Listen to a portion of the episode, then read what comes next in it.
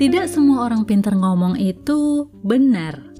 Buktinya, ada banyak yang tertipu dengan orang yang pandai berkata-kata. Lidahnya dolak-dalik, mengandung muslihat, pandai merayu, dan berujung ingkar. Kita perlu menguji segala sesuatu. Tidak semua perkataan manis berujung manis, namun kebenaran selalu datang dan memberikan sejahtera meski mengusik kenyamanan.